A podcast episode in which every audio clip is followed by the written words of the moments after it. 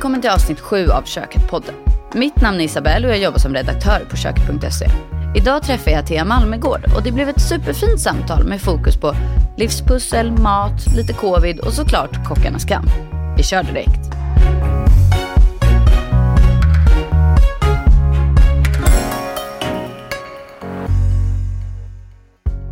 Dorotea Thea Malmegård är Sveriges tårtguru som trots sin unga ålder har en imponerande meritlista. Hon skapade prinsessan Madeleines bröllopstårta, har skrivit en fantastisk bok om desserter, driver en egen restaurang, har fött två barn, gjort en tårtkurs hos oss på köket, för att inte tala om alla program som Kökets baktips, Nyhetsmorgon och så Kockarnas kamp, där hon tog hem fjärdeplatsen. Att denna superkvinna lyckas hålla alla bollar i luften är otroligt imponerande.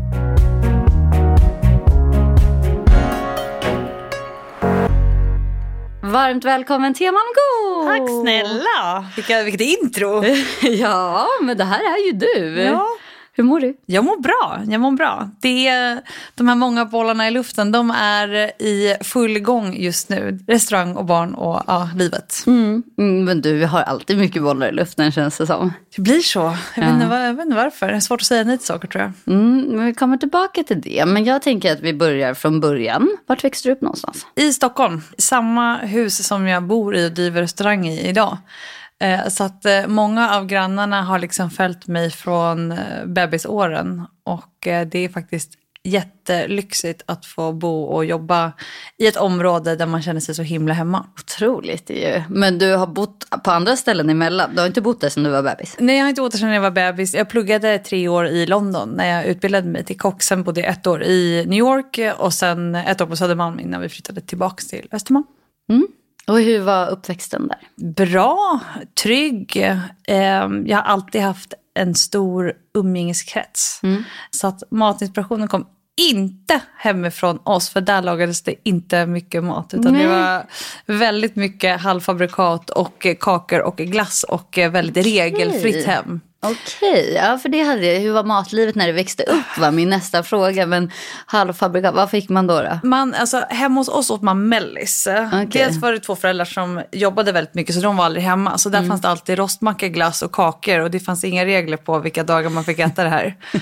så liksom Malmögårds special var rostisar med Nutella, hyvlad chokladkrossglass på.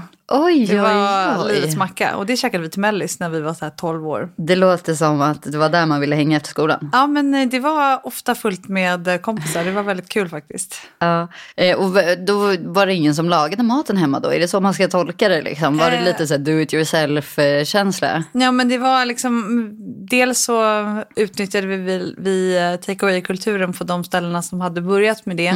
Ja, för det var ju ändå ett litet tag sedan. Ja, det är ett tag sedan. Sen så bodde ju min moster i samma hus också, så jag åt ofta middag hemma hos henne eller hos mina kompisar. Och det är ju mina kompisars föräldrar som har fått in mig på matspåret. Det var ju liksom där jag började äta lagad mat och bara, gud vad gott det kan vara med mat. så det är verkligen eh, liksom kudos till dem, det är de som har inspirerat mig. Ja, och hur gick det därifrån sen då? Ja, men jag började väl, jag minns när jag och min syster skulle laga, det är alltså 25, vänta, ja det är typ 25 år sedan, på, när mamma och pappa firade silverbröllopsdag. Då vet jag att vi satt och klippte ut recept som vi tyckte var goda. Det var lax med saffransris och toskapäron. Alltså jag var ju typ 10 år, men då minns jag att jag tyckte det var så kul att börja följa recept. Och sen när jag var 14, då började Nakna kocken med Jamie Oliver gå på tv och jag blev helt besatt. Alltså jag spelade in varenda avsnitt på VHS och skrev helt absurda liksom, inköpslistor. Så mamma ringde från Ica helt förtvivlad och bara jag vet inte vad en pilgrimsmussla är eller vad ett granatäpple är. Vad är vattenkrasse? Det finns inte. Och jag bara, men gud, jag bara leta typ. Fråga. Så jag kom tillbaka så här, två timmar senare helt knäckt och bara, vad är det här till? Och sen så styrde man ändå upp någon middag. Men eh, matkontot gick upp eh, från att eh, vi liksom aldrig hade haft mat hemma till att eh, helt plötsligt så vill jag börja labba hemma. Det var från Nutella till pilgrimsmusslor? Ja. Ja, Ja, men det är ändå en liten resa där. Spikrakt. Ja, verkligen. Okej, men och då började du, då var det du som lagade den maten då? från jag var i alla fall 14-15, då är det jag som stod för maten hemma. Mm. Och det var väldigt kul, som sagt, det var ingen som la sig i, utan alla var bara tacksamma att det var någon som gjorde det. Mm. Perfekt ju. Ja.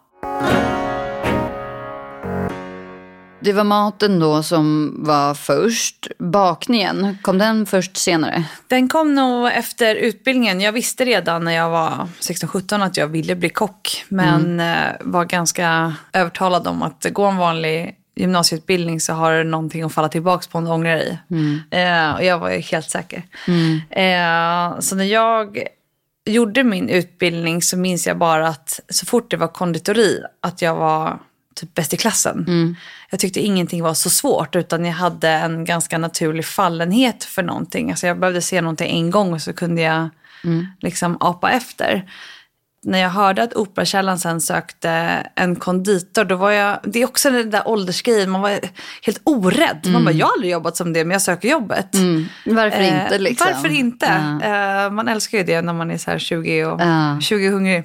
Mm. Man kanske tänker att man måste ha massa erfarenhet för att få de här kanske häftiga jobben på de stora ställena. Mm, mm. Men du är ett bra bevis på att du bör köra. Ja, alltså nu hade jag absolut en utbildning. Men jag har en tjej som jobbar hos mig som är 19 och hur, liksom, hur grym som helst. Och hon är oskolad. Mm. Men hon har jobbat kök, hon jobbar järnet och liksom, hon är en riktigt tuff tjej. Mm. Du åkte till London. Mm. Varför blev det London? Dels ville jag väl flytta från Stockholm. Att jag mm. var ganska redo och klar med stan för, för nu. Min mamma hade blivit sjuk i cancer tidigare. Det var ganska så här, tuff tid att bo hemma. Mina systrar hade flyttat hemifrån. Mm. Det, det var läge att dra men jag behövde nog liksom komma därifrån lite. Ett miljöombyte. Lite liksom. miljöombyte, exakt. Och jag kom till London. Vi var tio eller tolv svenskar som hyrde tre lägenheter ovanpå varandra. Så vi bodde som ett kollektiv. Mm. Det var väldigt, eh, väldigt, väldigt roligt. Mm. Eh, och det blev väldigt snabbt en andra familj. Och sen så eh, sökte du jobb på Operakällaren? Ja, på sommarna så hade jag jobbat extra på Lux. Eh, så på mina sommarlov så jobbade jag i Stockholm. Mm. Och sen så var jag på deras golfrestaurang i Brohof, men det är en säsongsrestaurang. Så att, mm. eh, under tiden så sökte jag då lite andra jobb. Och då var det ju att jag sökte till stjärnkrogarna. Så jag, till slut sen när jag hörde att Operakällan sökte folk så sökte jag mig dit och var mm. där och provjobbade och klickade med dem i köket på en gång. Mm. Och fick jobbet. Häftigt. Ja, var, det, var, var det läskigt då eller var du liksom så här 20 orädd? Eller? Ja, men jag var nog ganska transparent med att jag har aldrig gjort det här förut mm. men jag vill lära mig allt. Mm. Och jag hade en fantastiskt duktig chef, eh, Daniel Ros, som eh, verkligen anammade och tog sig an mig och bara okej, okay, vi kör. Mm. Man pratar ju ofta mycket om att man jobbar mycket i restaurangbranschen men där var det ju, man hade sina åtta timmar på schema men sen hade jag åtta timmar som jag jobbade extra för att lära mig att komma in mm. och leka och labba och ta fram nya desserter. Det var liksom det roligaste mm. av allt. Mm.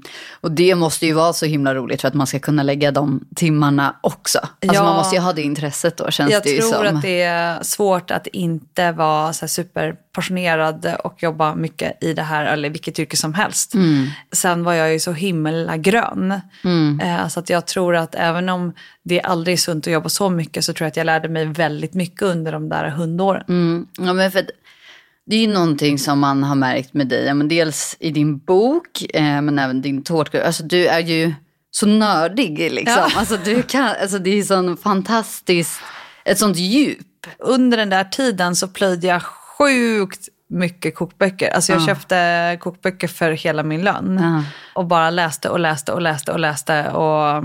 Lärde och lärde och lärde. Ja, men det blir ju så ibland att lära sig på sin egna ja, men att läsa om någonting som man är genuint intresserad av. Det upplevde jag ju för övrigt när jag pluggade också. Att jag var aldrig något ljushuvud när jag gick gymnasiet och läste liksom historia B. Jag tyckte det var ganska tråkigt. Men så fort jag fick läsa om någonting som jag var intresserad av, typ i skolan, jag fick läsa om matkemi eller mm. liksom cellstorlek på djur och förklaring till varför ett kött blev så här när de tillagade det mm. kontra fisk mm. som blev på det här sättet. Jag kunde förstå det. Mm. För det var logiskt för mig. Det var liksom som en annan hjärna vaknade till. Mm. Och på samma sätt är det när, jag läser en kokbok. Att jag, så här, jag förstår språket. Så mm. att det, mm. liksom, det går så lätt för mig att läsa. Mm. Nej, men för att din eh, bakbok, dessertbok, mm. har ju precis gått i omtryck precis. nu under hösten. Vilket är ju fantastiskt roligt. För det var ju ganska länge sedan du gav ut Jag den. släppte den 2015, den kom samma vecka som eh, mitt första barn. Två bebisar bara en vecka. Ja, två bebisar på en vecka och eh, den digitala tårtkursen den kom samma vecka som eh, min andra bebis kom. Ah, okej, Så ah. det har varit min taktik då. då. Två lanseringar Två lanseringar. Nej, men det har varit, dels var det kul att göra någonting kreativt men framförallt att jag visste att det skulle komma samtidigt som jag behövde ta en liten break. Mm.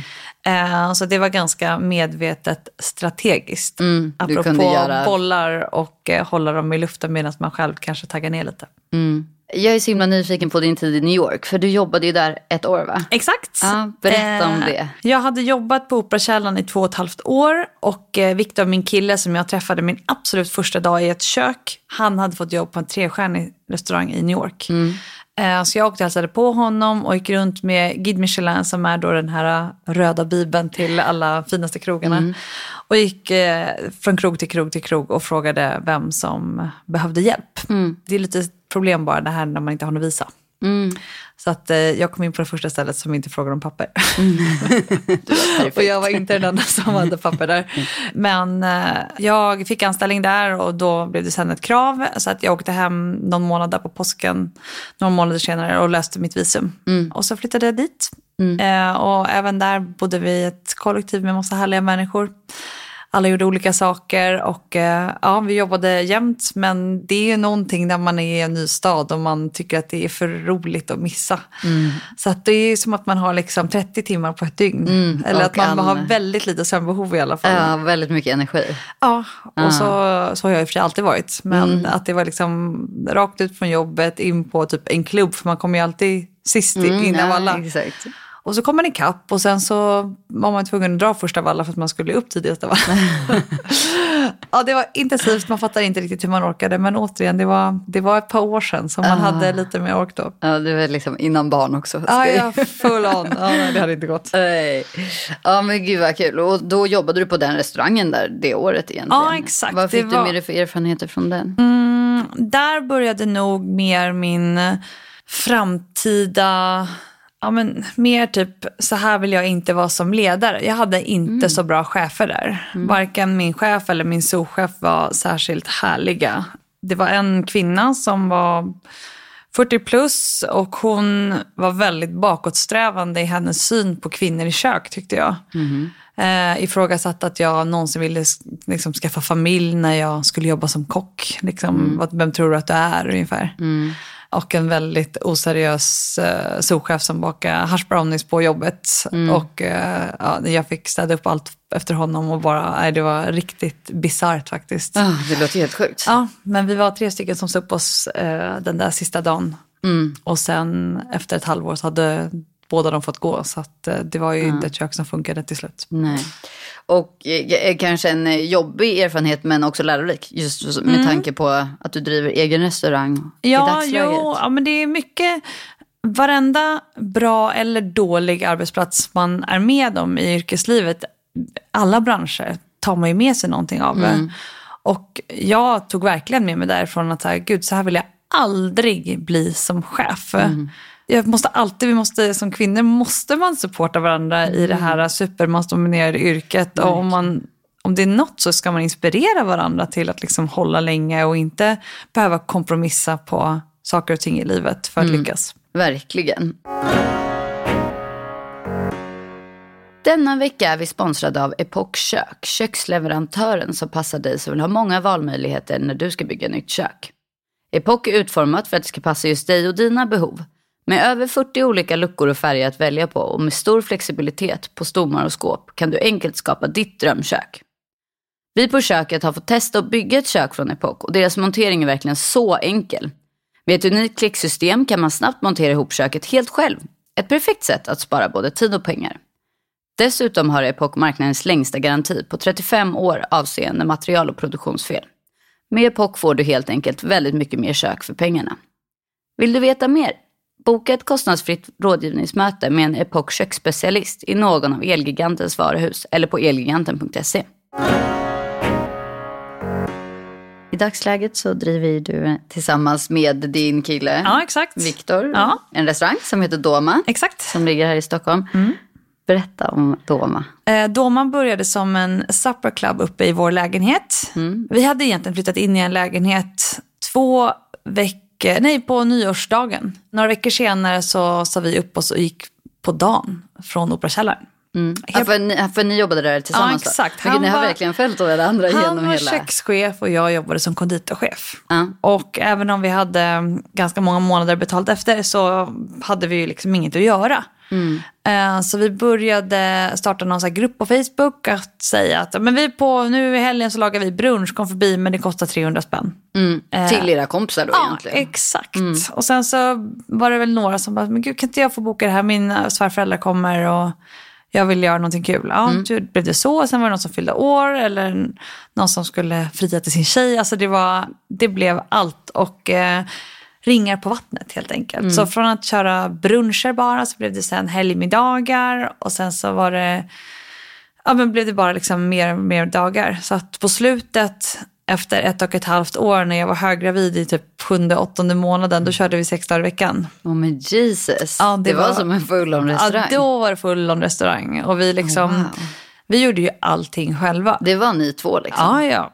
Inköp, matlagning, diska, duka, tvätta servetter. Alltså det var som en loop som aldrig slutade. Ja. Eller, det måste ha varit fantastiskt kul såklart, Mm. men eh, det måste ju också ha varit väldigt eh, utmanande. Det var utmanande, det var superroligt och framför allt så tror jag att det var en jättestor anledning till att liksom Doma ändå har gått så bra som det har gjort. För att de var 1500 gästerna vi hade där, det blev ju väldigt personligt för dem. Det var ju som att man blev stoppad på gatan och bara hej men gud kommer du inte ihåg mig? Jag var åt, åt, och, åt middag hos dig typ 2016. Man bara ja det var några där men kul att du kommer ihåg.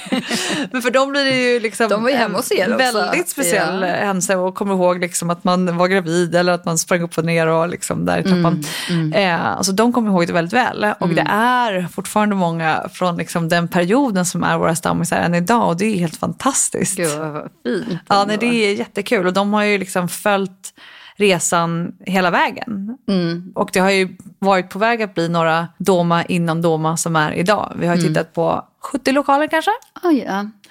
Eh, Så det var inte något vi snubblade över direkt utan vi har varit så engagerade och kollat på så många restauranglokaler med så många olika mäklare och eh, suttit bara hitta med rätt måste arkitekter och ja, nej, det har varit ett riktigt, några riktigt, riktigt eh, jobbiga år där när man bara, men snälla kan hoppa hända. Men för att när ni, eh, ja men för du var gravid och ni Mm. körde sex dagar i veckan och sen så när du födde barn så bestämde ni er egentligen efter det då så här, nej men vi öppnar en riktig restaurang. Ja men det var nog, eh, alltså vi hade ju Doma-bokningar, eh, första var väl typ fyra veckor efter förlossningen.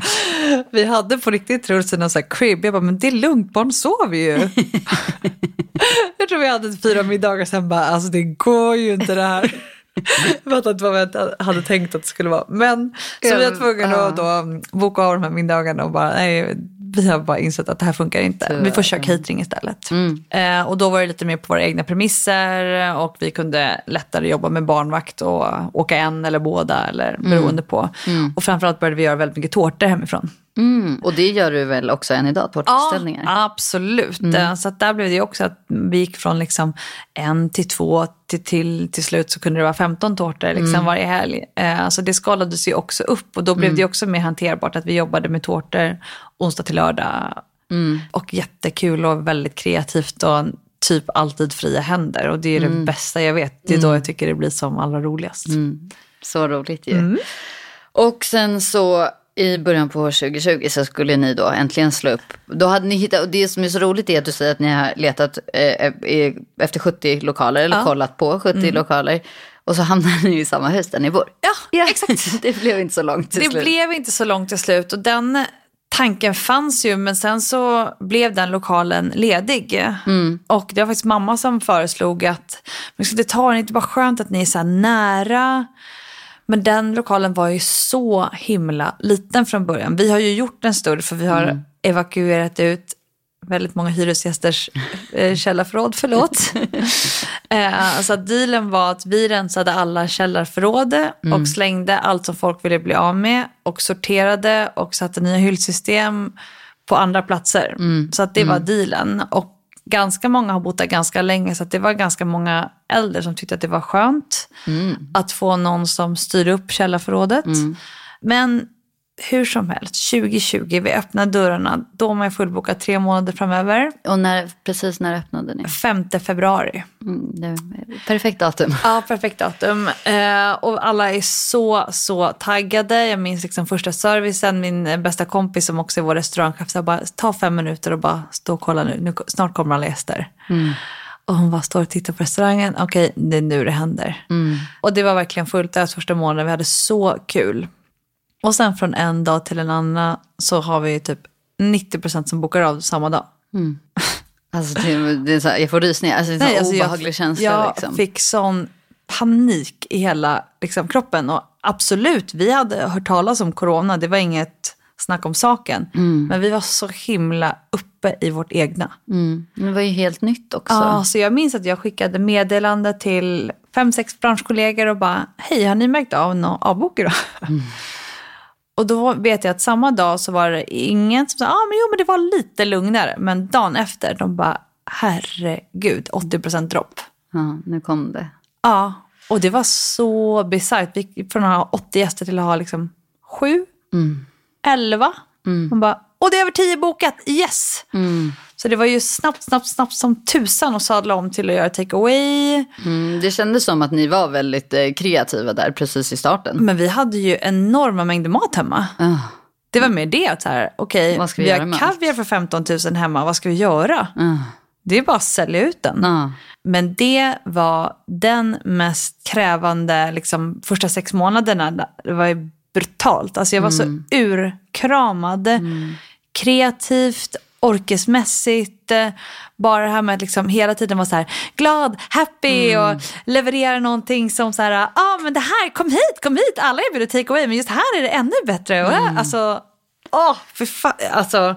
Ja, det måste ha varit så dränerande. Ja, så dränerande. Man var så trött på sig själv. Man bara, gud kan inte jag bara få andas två dagar? Så bara, nej men om vi andas i en dag då kommer inga gäster. För det var verkligen så. Så fort vi inte la upp någonting, ingen som kom. Nej, men helt otroligt. Så det var ju verkligen påskpåsar, picknickpåsar, eh, lådor, eh, julkorgar. Alltså det var ju, ja. Mm, ja, det kändes ju verkligen som att ni var så här, ni gjorde alla olika nivåer. Det fanns väl snacks och det fanns ju bakar, Ja. var grejer att komma och hämta i montern. Och, Ja. ja, du, det märktes inte att du var helt slut i alla fall. Ja, nej, att, det, men det är ju som sagt, jag, vi pratar många restauranger om det här, att det var liksom det värsta nästan året. Från att ha koll på det man gör till att göra om sin verksamhet så drastiskt att man till slut inte känner igen den. Det var plågsamt faktiskt. Mm, jag förstår det. Och speciellt för er som hade en helt ny verksamhet. Ja, ja. När blev det bättre sen då? Eh, I maj åkte jag ner och började filma Kockarnas kamp. Eh, sen två dagar efter jag hade kommit fram så släpptes restriktionerna till att man inte behövde ha några stängningstider. Och då minns jag första kvällen att jag pratade med Viktor och att de hade gjort 108 gäster och jag bara, va? Hur är det ens möjligt? Så bara, alltså, det var drag.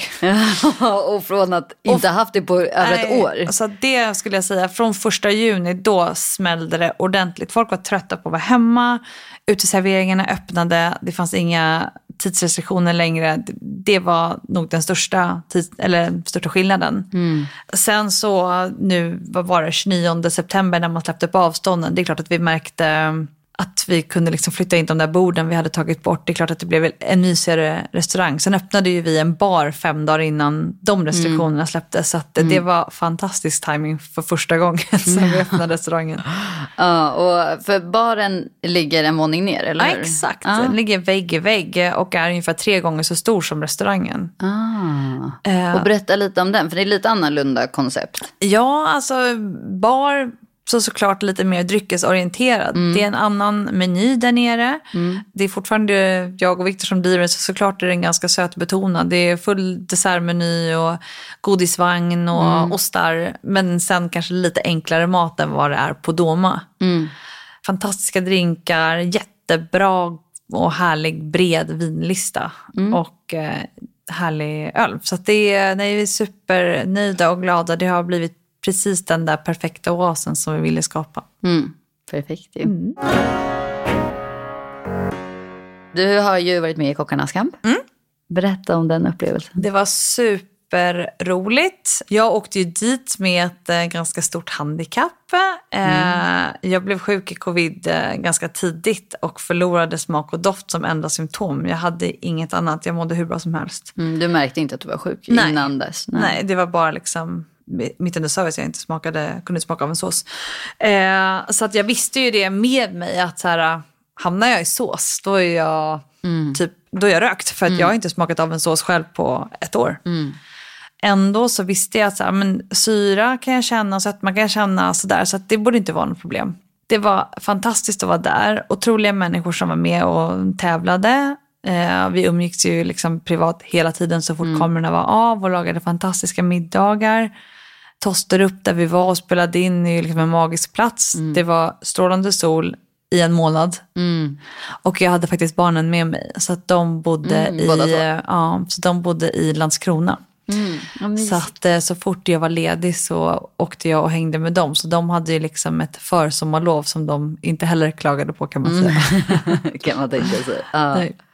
Ja, och hur var det själva, alltså om man tänker tävlingsmässigt då? Var det psykiskt påfrestande eller var det bara roligt? Nej, eller? men det var fruktansvärt i den där ladan. Det ska ju Mm. inte stickas under stolen med. Och det är precis som man säger, man får hjärnsläpp. Alltså bara Ja. att stå och göra en pannkaka, man bara vad gör jag? Jag har gjort det här 2000 miljarder gånger. Men får inte ihop en pannkakssmet. Alltså tjocka som liksom frisbees eller tunna så att de bara går sönder. Det var helt, helt stört. Eller pastadeg som jag också gjort så här hundra gånger och stod ju där och bara, vad händer? Ja. Sen var det andra tävlingar som gick bättre som var mer otippade. Men det är ju blandning mellan flax, eh, skill och eh, dagsform tror jag. Mm. Men så det är det är som man ser på tv helt enkelt? Ja, och jag, jag säger ändå att de, de har ändå klippt det snällt. Ja, Vi var, okej. Det var ju... ja, det var mycket tårar ibland och det var Ja. liksom eh, skrik och svordomar Ja. och vevar som flög. Eh, Men de, de har varit schyssta mot oss. ja men gud vad kul. Men du kom ju på en fjärde plats. det tycker jag är jätteimponerande. Ja, men jag är jätte, jättenöjd över det och det var jättehärligt att få möjligheten att göra middagen. Framförallt så blev det ganska lägligt eftersom jag pratade ju om smak och doftbortafallet och eh, tävlingen efter blev en smaktävling. Och sen att förlora tävlingen, tillbaka till de här nerverna och det här psyket. Alltså, man får ju inte dåligt självförtroende, man får ju så här, jag är sämst i världen. Man Ja, går verkligen ja, jag liksom in det. i sig själv eh, och in i såsduellen med liksom, ja, det gick Mm. som det gick men återigen supernöjd och eh, Jesse och Jakob som står i final, det är verkligen rätt personer som gör det. Mm. Så spännande ju. Ja. Ja, men hur har du hanterat hela det här smak och doftbortfallet? För att eh, egentligen spontant tänker man ju för en person i din situation som jobbar med mat. Ja. Eh, så känns det ju som en katastrof. Hur har du hanterat det? Alltså till en början så kändes det som att jag inte hade tid att hantera det. Och eh, det blev så mörkt. Alltså jag tror att det så första veckan när jag det var påsk då som skulle vara. Och då hade jag inget knäckebröd hemma och då la jag branflakes på min eh, eh, silltallrik. För jag bara, men det smakar ju typ samma sak. Och sen så bara tittade jag ner och jag bara, sill, potatis, ägg och frukostflingor. och bara, det här är så himla deppigt. Ja, du vill ha, det var texturen där som du tänkte var Ah, ja, same same. liksom. Exakt. Ja. jag, bara, "Uff, jag kan liksom inte, inte äta Mm. liksom det här. Och samma sak med typ, det är så världens nördigaste sak, men jag beställer alltid fortfarande champagne istället för kava. Även om folk säger, men gud du känner ingen skillnad. Jag bara, nej men det är, på något sätt är det, Du vet att det är skillnad. jag vet att det är skillnad. Jag vet att jag föredrar det ena för det andra. Så dricker jag inte det varje dag, så det är inte så. Men jag vet inte. Om jag bara förlikar mig med tanken att det inte kommer komma tillbaka, det blir för deppigt. Nu är det vad det är liksom. Och det, du gör allt du kan för att Ja, få tillbaka. exakt. Ja. Men eh, återigen, det har ju att göra lite med livsinställning och jag är en generellt ganska positiv person. Eh, så att eh, jag lär mig ju arbeta runt omkring det här handikappet och även om jag faktiskt tycker att det är tufft så ser jag också en enorm förbättring jämfört bara med Kockarnas kamp där jag inte kunde känna skillnad på en paprika och en tomat. eh, så tycker jag ändå så här, jag kan ju smaka om en sås eller en kräm på jobbet ska jag smaka som den ska på tungan. Och så bara, den här brukar vara mycket högre syra i, eller hur? Så är det någon som smakar, ja men det stämmer. Eh, däremot när jag skapar helt nya desserter, då börjar det ju alltid i mitt huvud. Jag har en exakt smakbild så som jag vill åt. Men då har jag ju kanske två, tre personer som jag liksom förlitar mig på. Som säger, jag vill att den ska ha samma eh, syra som den sorbeten som vi hade för ett och ett halvt år sedan. Så bara, ja men jag fattar vad du menar. Ja, och den ska ju lyfta upp det och den ska plocka upp det och det, det, det, det, det. Så att det finns ju vissa som liksom talar mitt språk och som vet exakt vad jag vill. Men det är ju frustrerande att på ett och ett halvt år inte ha fått äta mat som man har lagat och veta hur det smakar. Mm, jag förstår det. Men vilken tur att du är omgiven av massor av begåvade människor. Fantastiskt mycket tur. Okej, vi ska prata lite om dina recept på kök.se. Ja. Du ska få gissa vilka som är dina topp tre recept. Är det sant? Ja, det... Jag tror i och för sig att en är saffransbullar, alltså den här långpanna. De släta. Mm, Ja. Det är en väldigt eh, bra gissning, men nej Nej, okej. Den ligger i liksom topp 10 Ja. kan jag säga, men inte topp 3. Kanske någon eh, sån här kladdkakevariant med hasselnötter. Mm, nära. Toscarutorna, Ja. de är på plats två. Den var på tvåan. Är det mat eller är det, det är båda i bak? Det är all, alla tre bak. Alla tre i bak. Kardemummasnurror kanske? Mm, nej, men det är, eh, jag kan säga så här, topp ett, som jag också är väldigt chockad över, men det är Doroteakakan. Är det sant? Ja. Av alla dina, alltså då, du vet ju hur mycket recept du har. Ja, ja, ja. Jag, vet, eller jag tror att det är 150 stycken. Mm. Ja, men en, enormt många. Ja, ja. Men Doroteakakan ligger i toppen. Okej. Och det är ju faktiskt ett sånt där recept som ja, men varje gång vi delar det på våra sociala kanaler så Ja. här, det gör alltid succé. Och det är ju ändå en ganska basic kaka. Men jag men... tror att eh, varför den går hem är ju för att det är en sån kaka som man alltid kan göra av ingredienser man har hemma. Det är liksom ingenting som... Inga Det är konstigheter. typ filmjölk som är den konstiga ingrediensen. Och det löser man ju ändå oftast. Ja, verkligen. Men, ja, så det är lite kul. Och sen så har det ett tredje som är en paj. Det här är en liten luring för det här. Det, jag kan säga att du har gjort det i Nyhetsmorgon. Det är inte bakat. Rabarberpaj. Mm. Mönstrad rabarberpaj. Eh, ja, nej, knäckig rabarberpaj. Den, jag tror att du gjorde den i våras. Ja, det är mycket möjligt. Jag har tagit i alla fall inte en enda rätt. Nej. ja, ja. Men eh, det är en bra topp tre-lista. Ja, men verkligen. säga. Roligt och ändå otippat. Man tänker att det är... Men det, det som jag ändå tycker känns bra, det är att man själv har sina egna favoriter. Och Mm, har du något eget eh, baktips eller någonting som du har gjort som du vet något finns på eget köket? baktips. Det, det finns ett par inspelade.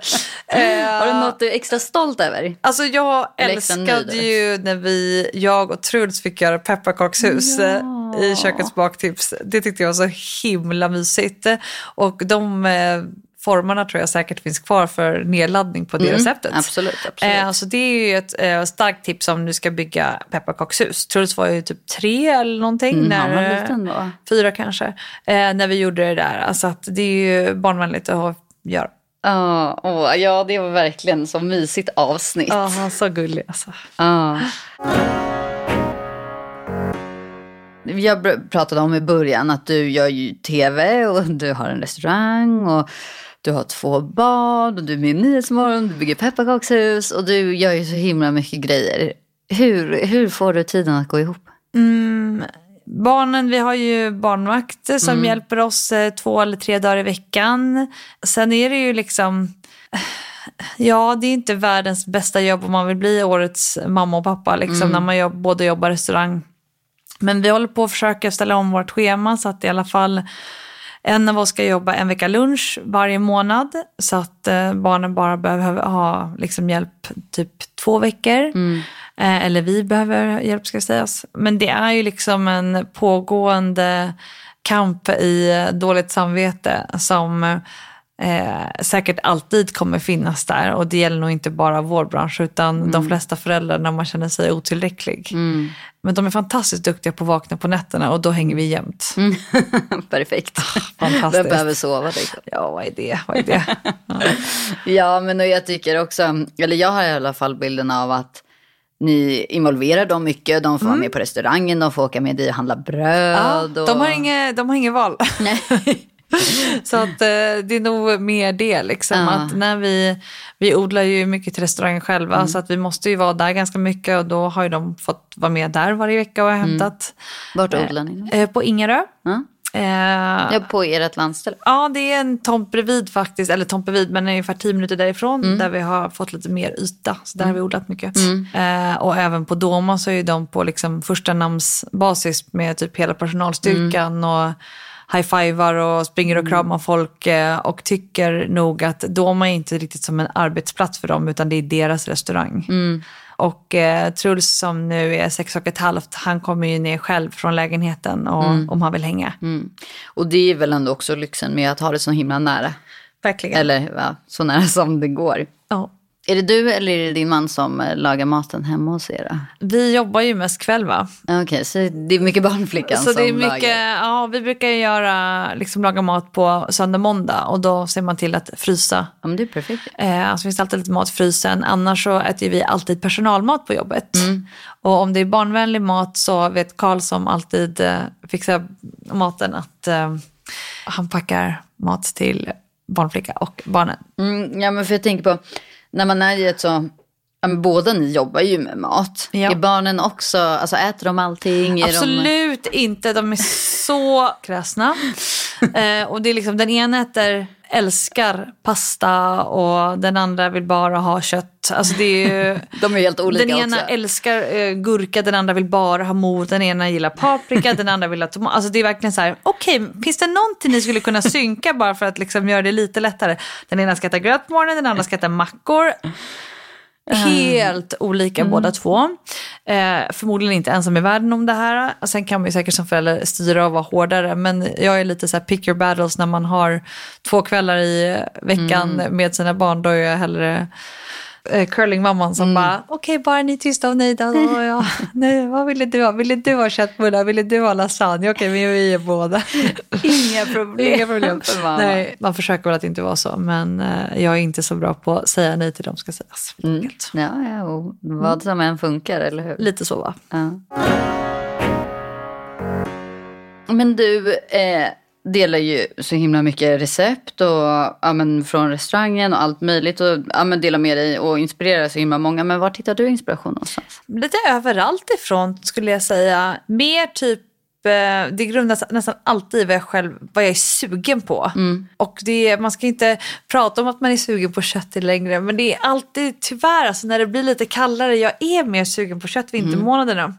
Så där är det ju mer sug. Eh, och sen så öppnar man frysen och kollar vad man har kvar från sommaren. Mm. Det är ju fantastiskt. Och då är det så här, okej men vi har vinbär eller vi har körsbär, vad gör vi från det? Och så blir det att man tänker tillbaka. Jag har ju liksom utöver köket, men vi använder ju köket ganska mycket på jobbet också. För att det är så här, men det, det finns i det här pajreceptet eller det finns den där krämen där, det är bara att kolla det och dubbla det receptet gånger fyra. Och, det är ganska skönt att det finns. eh, det är som din egna privata receptbank. Liksom. Ja, exakt. Ja. Eller så har vi världens mest utnötta kokbok eh, som liksom, sidorna nästan sitter fast eh, och så är det liksom tre miljoner post-its. Ja. Men vi utgår verkligen från eh, boken eller köket eller från kursen. Mm. Eh, för det själv har ju varit mitt sätt att samla mina recept. Mm. Men du har öppnat egen restaurang, du har öppnat barrestaurangen, du har lyckats bolla liksom barn och karriär. Har du några drömmar som eh, inte har gått i uppfyllelse? Jättemånga, men det känner jag, jag har varit ganska det är också en av mina livsfilosofier, att jag inte vill bränna av allting samtidigt. Eh, nu ska man inte vara för liksom, respositiv, men jag har massa resor som jag vill göra. Om det går att hemskola barnen på sikt något år så skulle jag gärna liksom, ta ett år och resa med dem. Mm, jag vet inte om jag är klar med barn, alltså, vi kanske vill skaffa fler. Alltså jag har tusen drömmar. Mm.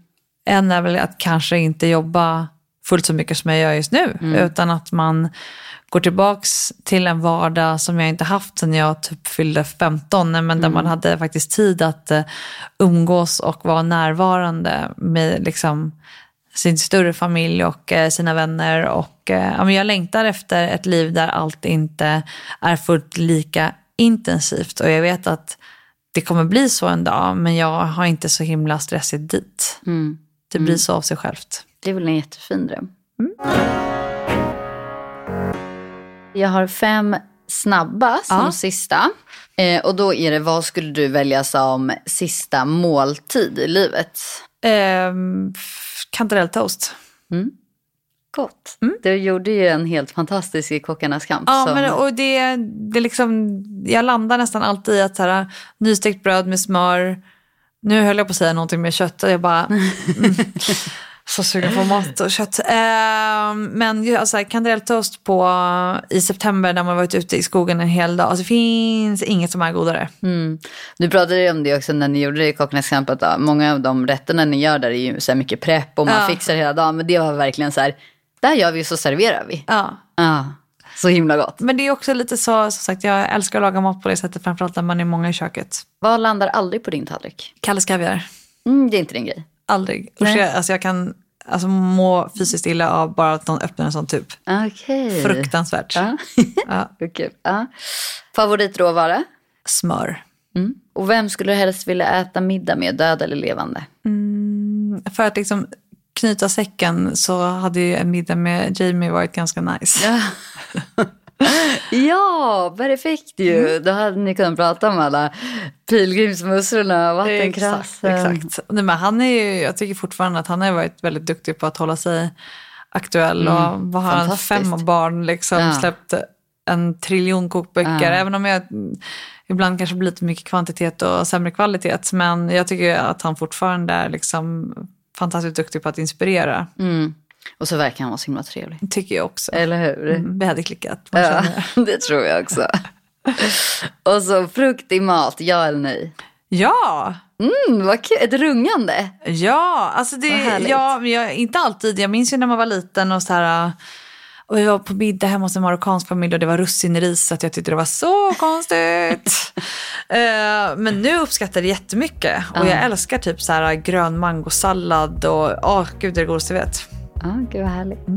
Det var allt jag hade. Har du någonting mer du vill berätta om eller dela med dig av? Men nej, jag tror att jag är ganska slutkörtad. Ja, vi gick igenom hela livet från början till slut. Tack snälla för att jag fick komma. Ja, tack snälla för att du kom. Vad trevligt det var. Tack för att ni har lyssnat på dagens avsnitt. Blev du sugen på något av recepten vi pratade om så hittar du dem på köket.se koketpodden. Vi hörs nästa vecka med en ny spännande gäst.